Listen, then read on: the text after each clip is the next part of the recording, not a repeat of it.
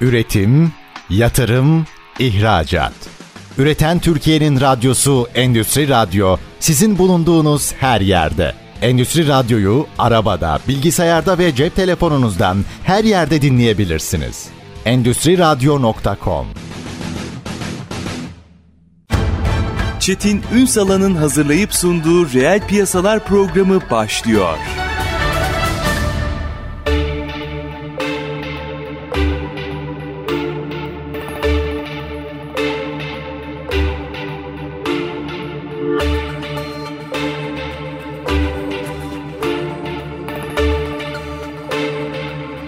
Reel piyasalardan merhabalar. Türkiye'nin gerçek gündeminde birlikteyiz efendim. Bugün Operasyon 4.0 konuşacağız. Aslında alt başlıklarına baktığımızda o kadar e, detay var ki.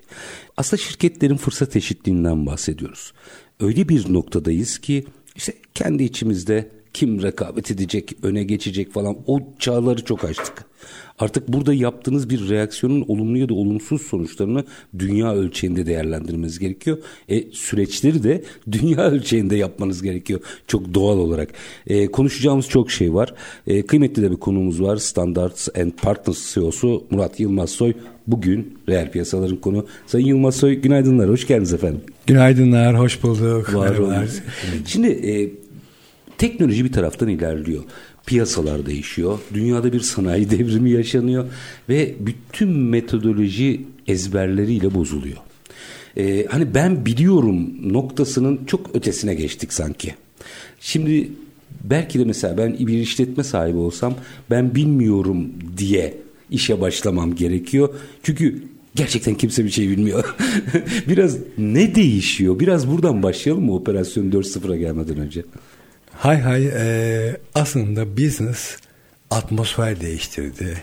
Eski atmosferinden yeni bir atmosfere geçti ve bildiğimiz kuralların hepsinin e, değiştiğini zaten ezberden söylüyoruz. Bunu herkes söylüyor. Ama neyin değiştiğini Ama çok az neyin konuşuyoruz. değiştiğini e, söyleyen sayısı az. E, bize göre bir ekonominin temel dinamikleri, Ta tam rekabet piyasasının oluşum koşullarından başlayın devletin yaklaşımına, kamu otoritesinin fonksiyonlarına kadar bütün kılcallarda anatomide bir değişiklik meydana geldi. Buradan kastettiğimiz şu eskiden ticaret olgusunda ticareti bilen, üretimi bilen birisi işletmeyi de yaratmaya çalışıyordu. İkisi iki farklı dünya. X Holding isim vermeyelim bir holding olmak için 50 sene 60 sene bunu tecrübe eden patronlarla ilerlemek zorunda kaldı. Oysa ki en iyi bildiği iş belki otomotivdi. Otomotiv e, bunu nasıl yapıya nasıl üretilmesi gerektiği veyahut da bir ticaret nereden alınır nereye satılır bunu çok iyi biliyordu. E, bütün holdingler bütün büyük yapılar için bunu söyleyebilirim. Yeni dünyada şu oldu. Bunu biliyor olmak yetti. Büyük işletmeyi oluşturmak için bir learning period, bir öğrenme sürecine ihtiyaç olmadan girişimcilik bir hedef, bir yolculuk, bir hedefe yolculuk. Bu hedefe yürüyerek gidebilirsiniz. Bu hedefe kendi bisikletlerinizi yapıp gidebilirsiniz. Kendi arabalarınızı yapıp gidebilirsiniz. Kendi uçaklarınızı yapıp gidebilirsiniz. Eskiden herkes bunları kendi yapıyordu. Yani işletmeyi, işletme bir araç, işletmeyi kendi yapıp bu hedeflere ulaşmaya çalışıyordu. Oysa ki yeni dünya iyi bir business, iyi bir ticaret yakaladıysanız operasyon 4.0 metodolojisiyle size bu aracı veriyor. Uçan araç. İsterseniz e, uçakla mı gitmek istiyorsunuz? Buyurun. En keskin örneğini vereyim. Bir banka kurmak istiyorsunuz arkasındaki operasyonu düşünün e, banka kurmayla ilgili. O yazılım altyapıları, profesyonel kadrolar. Ama diyelim ki sizin sermayeniz var ve bankacılık yapmak istediniz. Gittiniz, devlette uygun gördü, lisansınızı aldınız. Lisansınızı aldıktan sonra bütün altyapının ve o altyapıyı işletecek profesyonel kadronun size sunulduğunu düşünün. İşte bu operasyon 4.0 biz dijital dönüşüme de inananlardan değiliz. Orada da bir kavramlar üzerinde oynamayı seviyoruz. Ee, bizim topraklara pek uymasa da dijital dönüşüm kavramını biz reddettik ve dijital darbe diye bir e, kavramla yolumuza devam ediyoruz. O kadar yıkıcı yani. Aslında yıkıcı değil, o kadar e, yapıcı. Şey, ekonomide Ve ona yaratıcı yıkım denir ya. Aa, belki, belki çünkü dijital dönüşümden içinde bulunduğu projelerde bakıyorum ilerlemiyor. Konu ilerlemiyor. Aylar, yıllar, günler sürüyor, sürüyor, sürüyor. Ya o kadar zor değil ki. Aslında eski usul telefondan işte yeni usul Akıllı telefon. akıllı telefona geçmek. Ama burada bazen departmanlar terör yaratıyor. Bazen patronların, iş insanların, hissedarların e, zihinleri buna uygun ola- olmuyor. O bir e, dönüşüm süreci gerekiyor. Ama bu olduktan sonra bir işletmenin büyüme hikayesinde, büyüme sürecinde kendi yapmak yerine hazır bir araca binip hedefine gidiyor olması bence bugünün bize sunduğu en büyük imkanlardan birisi. Büyük lüks aslında. O zaman biraz şurayı açalım mı? Operasyon 4.0 diye kastettiğimiz şey tam ne? İsterseniz sizin de isminizde geçen Endüstri 4.0'dan başlayalım. Harikasın. Endüstri 4.0 bizim için statik bir yapı. Bunu bir küp gibi düşünün. O statiktir ve yerinde durur. Aslında çok kımıldayamaz. Siz karanlık fabrikalarda üretimler yaparsınız. E, iyi de bu pratik üretim metotlarının sonrasında arka tarafta bu üretilenlerin piyasaya ulaşması, pazarlaması, satışı, dağıtımı bunlarla ilgili vergi, finans, devlet yardımları, teşvikler, hukuk, satın alma operasyonları biz bu e, statik küp şeklindeki Endüstri 4.0'ın etrafına bir Endüstri 4.0 katma, e, operasyon 4.0 katmanı yerleştirdik ve bu bunu da bir top gibi düşünün. Ha, hızlan- yani bu aslında dinamik hale getiriyor o yapıyı.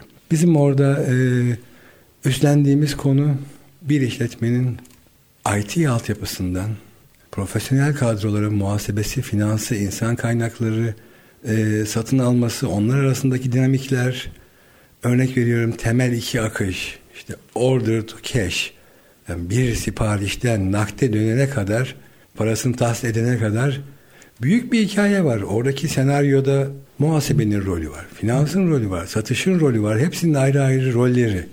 Ama bu roller e, bir İsviçre saati gibi bir, Senkronize olmak senkronize olmak zorunda. Her departman kendi rolünü ihtiyaç olduğu zaman oynamalı. Ve aynı şekilde işte globalde procurement to pay veyahut da e, satın almadan ödemeye kadar bir süreç var. Bunlar ikinci ana damar hmm, işletme için. Bu ana damarda da siz satın almadan ödemeye kadar yani depo, irsaliye, bununla ilgili satın alma kararını veren finans, paramız var mı yok mu? İşte bunun muhasebesi, e, lojistiği, orada bir operasyon e, dönüyor ve bu operasyon da aynı dediğimiz gibi diğer e, siparişten keşe nakde dönene kadar ki gibi belli rollerin zamanında oynanması. Üçüncü ana damarı da şu oluşturuyor. Higher to return yani e, işe alımdan emekliliğe kadar ki insan kaynaklarının hikayesi. E, her insan aslında bir işletme gibi de düşünebilirsiniz teorik bağlamda veyahut da bir üretim yeri olarak da düşünebilirsiniz. Oralarda bu üç ana damarı, bu üç ana konuyu bir işletme için kusursuz e, ortaya koymak gerekiyor. E bunun sadece altyapılar değil, en iyi programları da siz sunabilirsiniz. Ama bunları işletecek profesyonel kadroların örgütlenmesi gerekiyor. Standards Partners aslında şunu yaptı. E, yönünü yazılım dünyasına çevirdi ama tamamen profesyonel örgütlenmenin e, birlikte yazılıma dönmesi gibi e, düşünmek lazım. Yani biz yazılımcı mıyız? Hayır. Biz aslında benim kökenim Maliye Bakanlığı Hesap Uzmanları Kurulu. Sonradan kısmet oldu. Bir Amerika'ya gittik. Finans master yaptık. Geldik şu oldu ama e, bakıldığında ben burnumu finans konusuna Türkiye'de sokmam için gerekli tecrübem yok. O zaman ilgili Kadro banka kadrosu Tabii. bunu e, yapıyor.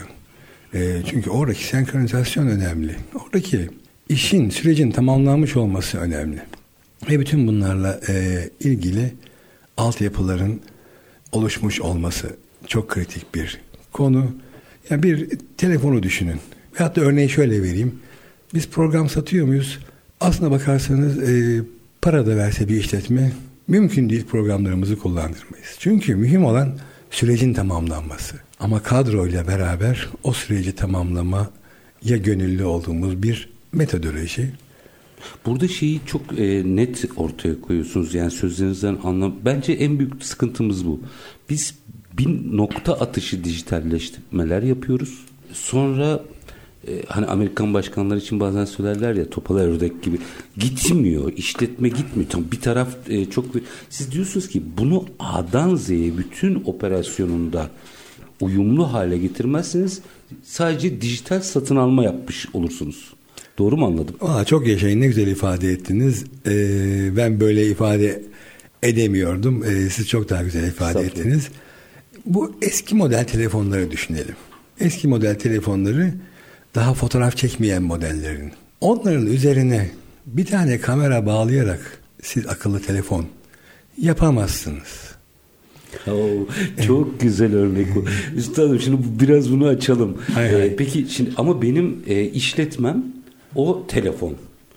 Peki benim akıllı telefon olabilmem için ekonomide mücadele edebilmem için artık akıllı telefon fazına geçmem gerekiyor. Ya ben akıllı telefon olacağım ne yapmam ve süreci nasıl yönetmem gerekiyor? Biraz bunu detaylandırmanızı rica edeceğim ama minik bir araya gideceğim. Hay hay. Ee, aranın hay ardından hay. burayı masaya yatıralım istiyorum. Çünkü herkesin Zevkli. derdi bu. Ee, ben hep ondan ürküyorum. Satın al, dijitalleşmecilere dikkat edin diyorum. Bu işi hakkıyla yapan tamam. Ama bir de böyle sadece bir şey satan var. Onlar firmalara yarardan çok zarar getiriyor bir operasyondan bahsediyor olmamız lazım. Açalım bunu minik bir ara. Aranın ardından Standart Parti CEO'su Murat Yılmaz Soy'la Operasyon 4.0'ı konuşacağız. Kısa bir ara lütfen bizden ayrılmayın. Üretim, yatırım, ihracat. Üreten Türkiye'nin radyosu Endüstri Radyo sizin bulunduğunuz her yerde. Endüstri Radyo'yu arabada, bilgisayarda ve cep telefonunuzdan her yerde dinleyebilirsiniz. Endüstri Radyo.com Kısa bir aranın ardından ve piyasalarda tekrar sizlerle birlikteyiz. Standard Poor's CEO'su Murat Yılmaz Soy bizlerle birlikte Operasyon 4.0 konuşuyoruz. Araya gitmeden önce çok güzel özetlediniz. Aslında hani parça parça değil, belki uygun parçaların sıralaması yapılabilir. Bakın burada bir yanlış anlamamız yani blok bir değişimden söz etmiyoruz ama doğru bir yolculuk değişiminden bahsediyoruz. Ama günün sonunda bütünün bir şekilde uyumlu olması gerekiyor. Dedim ya ben eski telefonum ama yeni herkes artık kimse beni satın almıyor. Benim de akıllı telefon olmam lazım. O zaman benim doğru bir yolculuğumu anlatsanıza ne olur bana. Ben nasıl doğru işleri önce neyimi değiştireceğimi bilerek doğru bir yolculuk yaparım. Hmm, gerçekten ağır bir soru. Önce neyimi değiştir? Çünkü e, bilindik temel değişimin zihinlerde başlamasını daha vurucu nasıl anlatabilirim diye bir an düşündüm. Hani Matrix filmindeki kırmızı hap mavi hap örneğini. Aslında yeni dünyada iş insanlarının, sermayedarların, patronların çok fazla bir şey yapmasına gerek yok. Sadece onların iş yakalamak. Çünkü girişimciler aslında toplumu omuzlarında taşıyan Tabii. kitleler. Onlar ticari fırsatların peşinden koşup e, yerli yabancı global dünyayı anlayıp oralarda ticareti, üretimi e, oradaki fırsatları yakalamalarının yeterli olduğu bir dünyaya geldik. İş insanı şunu bilmeli. Ben fırsatı yakalayayım. Arka tarafta işletmenin kendisi zaten önüme hazır gelecek. Bunun gelmesi e, bir mucize mi? Aslına bakarsanız bir yanıyla mucize. Ama iş insanı neyi kıramayacak orada? İş insanı ya benim personellerim benim kontrolümde, operasyon benim kontrolümde. Ben seçiyordum IT altyapısını, ne ödenecek, ne yapılacak. Vergi politikasında ben vardım, finans politikasında ben vardım. Kendisi bu yolculukta işletmeyi nasıl kuracağını belki 20 yılda öğreniyordu. Bizden daha iyisini de yaparlar. Hiç orada bir tereddüt yok. Ama 20 yılda 30 yılda bir işletmenin e, ortaya çıkması bunun nasıl yaratılacağını bilmesi çok büyük efor kaybı. Onun yerine ticari fırsat nedir? Onun peşinden koşuyor olması iş insanının o rolde kalması pazarlama, satış, iş geliştirme fonksiyonlarının üretim, arge o fonksiyonlarının iş insanının kontrolünde kalması e, buna aslında zihnini evirdiğinde bir iş insanı geri kalan kısım e, işin detayı. Buna evet dediğinde kullanılacak IT altyapıları, muhasebe, finans, insan kaynakları, satın alma, hukuk, devlet yapı, e, devlet yardımları, teşvikler bunların nasıl organize olacağıyla ilgili kısım arabada giderken siz motorun içerisinde e, endüksiyon bobininin ne iş yaptığını e, bilseniz işe yarar ama bilmeseniz de e, o arabayı sürerken e, veyahut da işte crank mili, egzantrik mili bunlar nasıl çalışıyor düşünmezsiniz. Siz arabayı sürersiniz. Aslında Bizim de mesele de bu. aynı galiba. Değil mi? Yani şey de biraz daha teşbihte hata olmazmış. Siz forvetseniz forvet gibi oynayın diyorsunuz iş insanlarına. Karşı atak yediğinizde kaleye koşup bir de kalecilik yapmayın. Kalecilik yapmayın. Çoğu zaman bunu futbolda da anlatmaya çalışıyoruz. İş insanına forvet kısmını e, ileri sahayı bırakıyoruz. Arka tarafı biz alıyoruz. Ve çoğu zaman kale de çizmiyoruz kendi tarafımıza. Çünkü kolay kolay gol de yemez bu işletme. Hı hı. Çünkü finans politikasını oluşturan profesyonel kadrolar. İçeride bu kadroları kurmak da çok zor ve maliyetli. Şimdi yeni kurulmuş küçük bir işletme için e, böyle bir hizmete ulaşması mümkün mü? Ama shared service mantığında belki ilk holdingdeki profesyonel bilgiye ulaşması mümkün hale geliyor. O çok enteresan geldi bana incelerken operasyonu. Şu vurgu hoşuma gitti. Yani şimdi böyle bir şey söylediğimizde mesela küçük işletmeler diyor ki ben diyor kobiyim diyor ben ne yapabilirim falan diyor.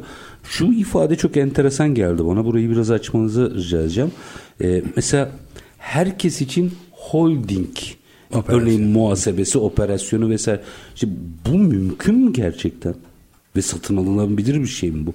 Aa, nacizane büyük mükellefler başkanlığı ilk kurulduğunda ilk kurucu e, grup müdürlüklerinden bir tanesi bize kısmet oldu. E, ve orada ben büyük mükellefleri e, çok yakından e, tanıyan birisi olarak bu söylemin az bile olduğunu söyleyebilirim. Neden bu söylem az bile? Şimdi her büyük yapı aslında bir işletme önermesi yanlış. Çok büyük olabilirsiniz ama e, küçük esnafla büyük esnaf arasındaki farktır bu.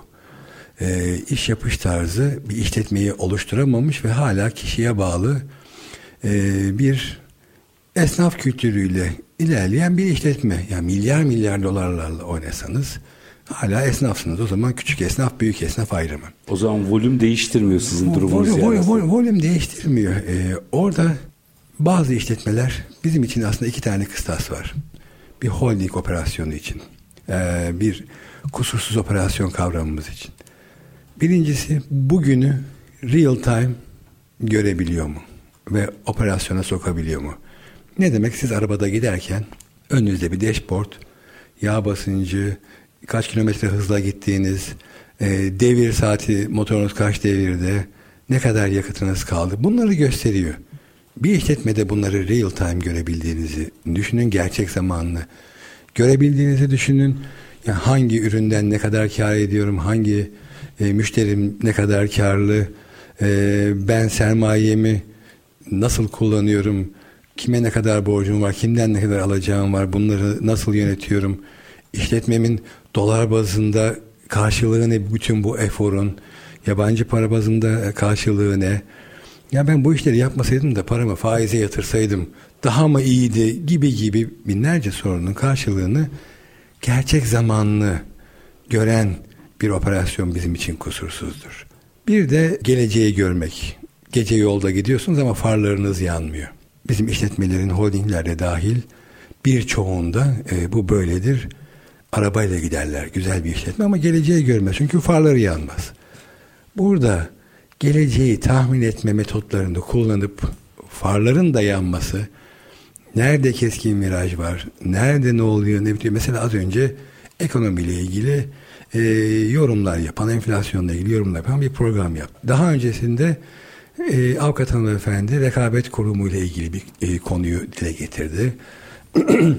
Şimdi bütün bunların geleceği geleceği e, şekillendirme ile ilgili, geleceği görme ile ilgili işletmenin bünyesinde bulunması gereken unsurlar. Bu nasıl bulunacak? Belli profesyonel kadroların bunları takip ediyor olması lazım. Yeni kurulmuş bir girişimde bu mümkün mü? Mümkün değil. Büyük bir yapıda belki e, mümkün olabilir. O da operasyona para harcamayı, profesyonellere para harcamayı göze alan bir yapı ise. Yoksa onun haricinde e, bu bilgilere ulaşmak, bu bilgileri öğütmek, damıtmak e, çok mümkün görünmüyor. E bir 20 senede onu harcasınız. Ve onu ona harcıyor. Biz aslında bu metodolojimiz e, fena bir karşılık e, bulmadı ve e, biz de madem böyle bir metot gelişti, bunu yaygınlaştırmak için Türkiye genelinde 956 şube yeri belirlendi. Çünkü her OSB'de bizim bu şubeyi açıp bu metodu iş insanına ulaştırmamız lazım. Çünkü bir tek araçları değil, yolları da değiştirmeye çalışıyoruz. E, bu araçların üzerinde gideceği yolları. İş insanının çok şikayetçi olduğu devlet katmanı vardır. Orada ters bir söylemde de bulunmak istiyorum. Yani devlet bugün bana kalırsa dijital dönüşümde, devlet yönetiminde çok üst düzeylere e, gelmiş. Halkın iş dünyasının çok daha önünde ilerliyor ve e, çok da güzel bir altyapıyı e, bize sunmuş durumda. E devlet meselesi zaten yeterince sağlama. Buyurduğunuz gibi o projelerde de e, zamanında birazcık kalem sallamış. Bir iki senemiz Ankara'da geçmişti bu e, özellikle gelir idaresinin yapılanmasında. Yani devlet buralarda dersini çalıştı. Gerekli altyapıyı e, ortaya koydu. İş insanının e, direnecek, e, direnmesi zaten mümkün değil. Eğer devleti çoğu zaman başka biri olarak algılar e, işletmeler. Oysa ki aslında devletle kol koladır. Ama e, devletle bir mücadele etme yoluna giren iş insanının mücadele şansı zaten kalmadı. Bunu görmesi lazım. O dijital e, doku, dantel gibi dokundu e, devlet sisteminin altında. Buna uyum sağlayacak işletmeler çok hızlı ilerlerler. Yani şunu hayal edebiliyor musunuz siz? Bugün bir hamburger yapın ve e, insanlar mutlu olsunlar bunu yemekten. Ve bir planlama yapalım. İki ay içerisinde bin tane şube açabilir misiniz? Bunu yönetebilir misiniz? Bu bin şubenin 500'ü Türkiye'de, 500'ü yurt dışında olabilir mi? İki ay içinde olabilir mi? Hepsi iki ay içerisinde olur. Aslında bir hafta da buffer zone koyduk oraya. Yani çok kısa zamanda bütün bunların olacağı yeter ki niyetlenilsin ve iş insanı iyi bir ticareti ortaya koysun, iyi bir fırsatı ortaya koysun. Şimdi yurt dışında ihracat bizim en büyük meselemiz. Birbirimizden para kazanmaya çalışmanın alemi yok, paramız yok. Ee, onu çok net görüyoruz ve demek ki şu dönem bizim yabancı kaynaklar, yabancı sermayede görece az geliyor ama e, bir 6-7 ay sonra da, o da hızlanır. Demek ki yurt dışından kazanç elde ediyor olmamız lazım. Şunu hayal edebilir misiniz? Teknoloji bize şu imkanı veriyor. Siz bugün bir ticaret yapmak istiyorsunuz ve e, kime ne satabilirim, hangi fiyattan satabilirim sorusunun cevabını bir database'den satın aldığınız bir dünyayı sunuyor. Veri ekonomisi dedikleri tam da bu işte. Evet ben bunu kullanmazsam Çinli bunu kullanıyorsa hı hı. Kanadalı bir firmaya işte şuradaki suyu hangi fiyattan satabileceğini biliyorsa benim iş insanım bunu bilmeden ancak fuarlara gider işte biraz seyahat yapar orada ne oldu ne bitti maillerle konuyu götürmeye çalışır ama diğer taraftan başka ülkeler bu enstrümanları kullandığında Üstadım zaten fuara hazır gidiyor. Firma o kadar altyapısında bunları halletmiş ki halletmiş. fuara hazır gidiyor sadece. Gerçekten fuar pazarlamaya dönüyor o zaman. Satışa değil. Buyurduğunuz gibi kimi göreceğini ne yapacağını e, biliyor orada ve ona göre ilerliyor. Hani online ticaret. E şimdi online ticaret bu operasyon 4.0'ın e, bütün bankalara pazar yerlerine şimdi yurt dışı pazar yerlerinde bağlı e, olacak işte kargo sistemlerine hep Muş örneğini veririz. Niyeyse Muş şubemizi açınca e, anlayacağız niye olduğunu. Ya Muş'taki bir esnaf da bir anda globalde satış yapan, ticaret yapan birisi haline gelebilir. İşi tutarsa e, çocuklarına bırakabileceği, kendinle bağlı olmayan büyük bir işletmeyi oluşturabilir. Benim eskiden gençlik yıllarında söylemim birazcık e, farklıydı. Anlamamıştım aslında konuyu ama liberal bir ekonomide işletmeler e, bir ekonomiyi ileriye taşır. İş insanları da buradaki rolleri çok büyük. Bizim oradaki temel hedefimiz para kazanmak da değil. İşletmeler çok para kazansınlar, işletmeler e, çok kar etsinler. Bizim oradaki temel hedefimiz alıp işletmeleri büyütmek. Bu büyüme hikayesinde aslında küçük bir imzamızın oluyor olması. Dünya ölçeğine çıkın, çıkabilmiş işletmeler hedefi yani aslında. Ya e, Nedim Beyciğim bazen e, çok abartılı konuşuyor olabilirim ama e, biz şimdi bu metodu yakın zamanda işte yurt dışı başvurular da var. Yurt dışında da açılmaya başlanacak şubelerimiz. E, yani dünya bunu çok böyle yapıyor değil. E, sermaye oralarda birikmiş ve o sermayenin gücüyle bu businesslar dönüşüyor. Oysa ki bizim kendi tarafımızda Anadolu topraklarında e, bakıldığında ciddi bir motivasyon var. Business motivasyonu, kazanma motivasyonu. Bunu destekleyen sermaye ve bankacılık sistemi var mı? Yok. Tamam. Devlet çaba gösteriyor. Devlet yardımları, teşviklerle bir şeyler yapmaya çalışıyor. O da sınırlı. Demek ki biz iş yapıp para kazanmamız e, lazım. Ve buradaki motivasyon ya, oğluma bakıyorum. Oğlum bile ben ne iş yapabilirim, yurt dışından nasıl bir ticaret yapabilirimin peşinde. Ve herkes bu kadar motiveyken belli altyapılarda bizim bu yolculukta bizim lojistiğimizi, istikamımızı e, sağlamış ve hızla hedefe gideceğimizi sağladığı durumda yapacak olduğumuz şey bizim ticari fırsatları yakalamak. Yurt dışında bu fırsatları e, bu kadar yakalanabildiğini e, ben düşünmüyorum. Orada motivasyonlar daha düşük. E, yabancıların business yaklaşımı daha rehavetli. Ya biz bu kadar atağız. Hocam evet. yırtma duygusu. Yani Hı. bakın en iyi futbolcular aslında orta ve gelir grubu olan semtlerden çıkar. Çünkü motivedirler. Bizim böyle bir avantajımız var şu anda dünya ekonomisinde. Çünkü bir şeyi amiyane tabirle çok özür diliyorum yırtmamız gerekiyor. Yırtmamız gerekiyor. Ee, o yüzden de bu motivasyonu doğru kurgulamamız gerekiyor. Şimdi yine minik bir araya gideceğim. Aranın ardından birkaç boyutu daha açmak isterim bununla ilgili. İşte bir mevcut işletmelerimiz var. iki startuplarımız var. Holdingleri biraz istisna tutayım ama siz orayı da tutmuyorsunuz. Büyük işletmelerimiz var daha holding olamamış. Hepsinde aşağı yukarı aynı yerde tıkanıyoruz operasyon yönetiminde.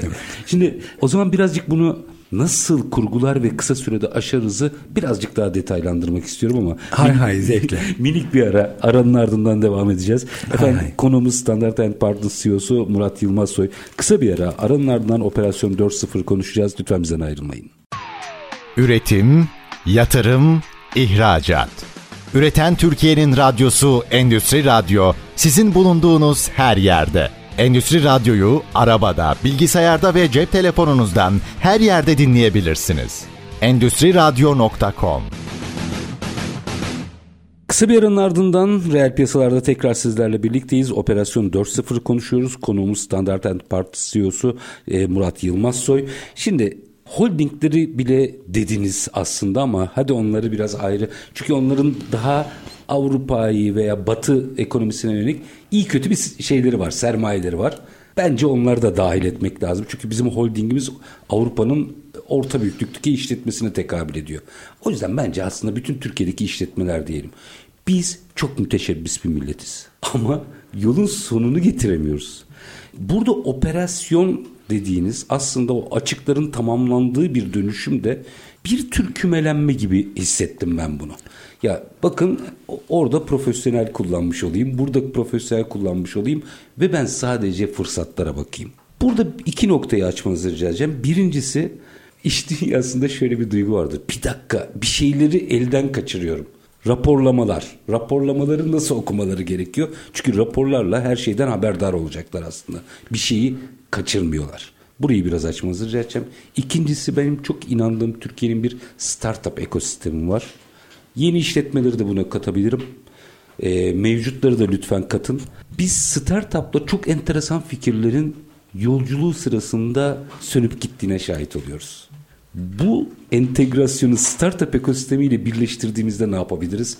İki boyutu da açarsanız sevinirim. Hay hay. E, Önce raporlarla nasıl takip aslında edecekler? evet e, raporlar burada önemli olanı anlayıp ilerlemek. Aslında C-level için en önemli konu önemli olanı anlamak. Binlerce rapor üretirsiniz.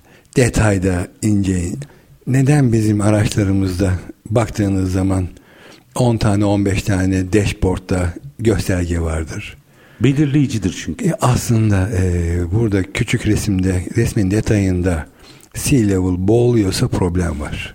Orada ana yolculuğu C-level bir şekilde analiz ediyor, kararlar alıyor olması lazım. Yoksa oradaki tablodaki ince fırça dar- darbesine Ha. e, takılmamak e, Aksayan bir şey var mı yok mu kontrolü ve kapasitem ne? Kapasitem ne? Ya aşağıya inildikçe bu raporlar e, departman bazında belki detaylanmalı. Ama bir rapor enflasyonu da doğmaya başladı. Ya bizim sistem bunu da ölçebiliyor. Ölçer zaten data varsa Konu orada e, kişinin yaratıcılığına kalmış. Siz o datayı istediğiniz şekilde e, evirir, çevirir, kullanırsınız. Ama burada önemli olan yani yol yolu unutmamak lazım. Dataya, rapora onun içinde kaybolup yolculuğu unutmamak lazım. Bir yolculuğun en temeli nedir? İşte ROI, e, benim bir yatırımımın dönüşü, sermayenin ne kadar kazandırdığı günün sonunda bunlar benim başarımı belirler. Yani panel, bunu- panelde herhangi bir uyarı ışığı yanmıyorsa, benzinim varsa veya elektriğim, şarjım varsa neyse, e, işler de yolunda gidiyorsa benim artık acaba motorda şöyle bir şey var mı düşünmeme gerek yok artık. Motor çalışıyordur. Gerek yok ya. Navigasyonu da kurduğunuz zaman yolu kaçırırsanız en kötü e, yeni bir rota bu doğru. der e, ve yine ilerlersiniz. Yeni bakış açımız bu olmalı yani doğru anlıyorum değil mi? Her gün yol değişiyor. Çünkü bir gün Merkez Bankası'nda bir değişiklik veyahut da enflasyon faiz e, kararında bir değişiklik. Benim oradaki finans departmanım veyahut da 5 yıl önce enflasyon nasıldı, şimdi nasıl? Benim oradaki finans departmanım, varsa ekonomistlerim e, hemen yeni bir yol belirleyip navigasyonun bana orada yeni rota belirlendi. Ama hedef değişmedi. Hedef değişmedi. Sadece yol e, birazcık değişti. Süre belki uzadı hedef hedefe ulaşmak için. Dolayısıyla bu rota her gün değişmesi her gün çok abartı olur ama Belli e, periyotlarda. belli periyotlarda belli kararların ana kararlarla bunun yapılması icap eder. Raporlamalarda gerçekten asıl olan karara etkisi. Ne kadar hızlı karara dönüşüyor o raporlar. O kararlar çevik bir işletmede e, ne kadar hızlı diğer organlara yayılıyor, diğer uzuvlara yayılıyor ve hep beraber aynı reaksiyonu almaya başlıyorlar. arada böyle çok enteresan bir uyarı yaptınız ama bir rapor enflasyonu da var dediniz. Rapor, raporlamayla mı boğuyoruz bir de işletmeciyi? Ben hani bu kadar raporla e, Ki bir maliyeci söylüyor. Dikkatini çekerim bunu yani. e, ben yönetemem. Pilot düşünün her tarafında gösterge panelleri, bir sürü düğmeler, şunlar bunlar. Sanmıyorum ki bütün düğmeler kullanılsın. İhtiyaç olduğunda e, o düğmeyi kullanacağını bilir ama ya sürekli o düğmelerle uğraşmaz.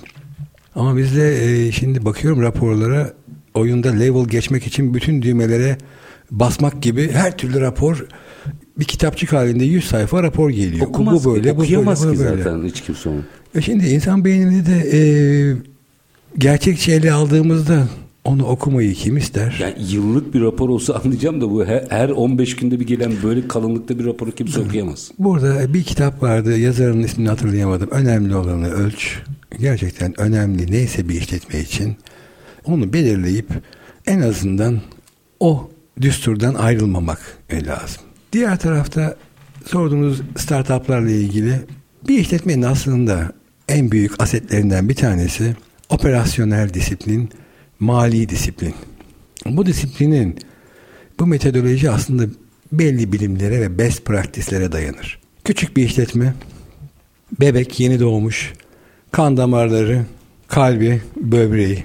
Büyük bir işletme. Arnold Schwarzenegger. Kan damarları, böbreği, kalbi. İkisi arasında bir değişiklik var mı? Anatomik olarak her ikisi de aynıdır. Bir işletme diyorsam bir e, tüzel kişilikte vücut bulmuş bir yapıdan bahsediyorsam bunlar arasında hiç fark yok. Bebekle Arnold Schwarzenegger arasındaki tek fark ihtiyaçların e, düzeyi. Düzeyi, kas yapılarının büyümüş olması ama, akışlarda bir değişiklik yok.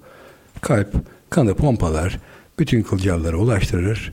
İşletmelerde de böyle midir? Küçük büyük arasında bir fark yoktur aslında. Bir fark yok. Ee, şu örneği hatta şimdi radyo dinleyenlerine de e, sormuş olalım. Bir pazarcıyla X Holding'in CEO'su arasında bir tane fark biz bulamadık. Bir pazarcıyla. Ya nasıl arasında fark yok? Söylemlerim birazcık keskin ve değişik gelebilir ama alt tarafında fena bir birikim yoktur. Bunu da Estağfurullah. E, Bence çarpıcı. çarpıcı olması ve akılda kalması açısından bunları e, dile getirmek istedim. Şimdi bir pazarcı tedarik zinciri, bir holding tedarik zinciri. Tool'ları farklı. Başka metotlar kullanır ama o pazarcı da halden tedarik zincirini kendi kurmak zorundadır. Belki komşusunun bahçesindeki maydanozlara da göz dikmiştir. Bunları da ver satayım pazarda diye. İnsan kaynakları. Yani yanında çalıştıracağı bir adam yetiştireyim ben bir çocuk da ikinci tezgahı da açayım. Ee, bana yardımcı olsun. E, aynısı holdingde de bir insan kaynağı fonksiyonu. En çarpıcısı mesela e, pazarlama fonksiyonu. Siz sosyal medya, ana akım medya, ajanslar, şunlar bunlar yaptığınız şeyi duyuruyorsunuz o da topluma. yaratıcı cümleler o da, bulur. O da gel vatandaş gel diye bağıra bağıra hatta çok da eğlenceli cümlelerle kendi pazarlama fonksiyonunu yerine getiriyor. Finans fonksiyonunu. Belki adamın cebinde 3 kasa limon alacak para var. Gidiyor halden 3 kasa limon alıyor. Bakıyor ki hızlı satıyor. Ya ben sonra vereyim. Daha fazla vereyim. Bana 5 kasa limon ver deyip 2 kasa limonu da e, finans kullanmış gibi. Kullanmış gibi. Haftaya vereyim parasını diyor. İyi de tamam haftaya verirsen fiyatı bu. Finans fonksiyonunu yerine getiriyor. Çok güzel örnek. Hiçbir şey fark etmiyor gerçekten. ya biz burada e, yedi farkı bulalım diye yola çıktık. Bir farkı bulmuş değiliz henüz. İşletme işletmedir. Startup, holding, Kobi hiç fark etmiyor. Ee, burada hatta bir startupta sizin oraya koyduğunuz 100 bin lira ile X Holding'in e, oraya koyduğu 100 milyon sermaye bakıldığında burada bir görecelik e, kuralı da devreye giriyor. O startup için o kendi servetini ortaya koymuş oluyor aslında bakarsanız. Orada bir şey sorabilir miyim? Ee, bir iş insanıyla sohbet ediyordum. Şimdi bu anekdotu aktarayım buradaki yorumunuzu merak ediyorum. Şimdi e, felsefi olarak aslında bir şey değişmiyor anladım onu. E, ama mesela şöyle bir şey demişti. Bu uluslararası bir evlilik yapmıştı firmasıyla. Çok başarılıydı. Böyle adım adım da takip ettiğim bir e, iş insanıydı. Bir yerde dedim ki sohbet ediyoruz bir yerde. Dedim ki niye sattınız ya da birleşme ihtiyacı duydunuz? Yani çünkü iyi gidiyordunuz. Belki birazcık daha zaman kaybedecektiniz ama gidebilirdiniz. İşin çapı benim vizyonumu açtı dedi. Ya manşetlik bir laftı bu. Şimdi o aşamalarda kendini büyütme, birliktelikler yaratma gibi e, meseleleri de buraya entegre edelim. Sonuna kadar benim olma duygusundan nasıl kurtaracağız işletmeleri? Aslında işletmeyi bir birey olarak ele aldığımızda ilk gün e, bunu sağlamış oluyoruz. Ey hissedar, ey ortak. Sen işletmenin, işletme değilsin. İşletme diye bir varlık var. Evet e, bunu belli kısmına sen sahipsin. Bunun temsil, fiil ehliyetini kazanması için senin iraden gerekli. Ama bunun dışında o ayrı bir kişi.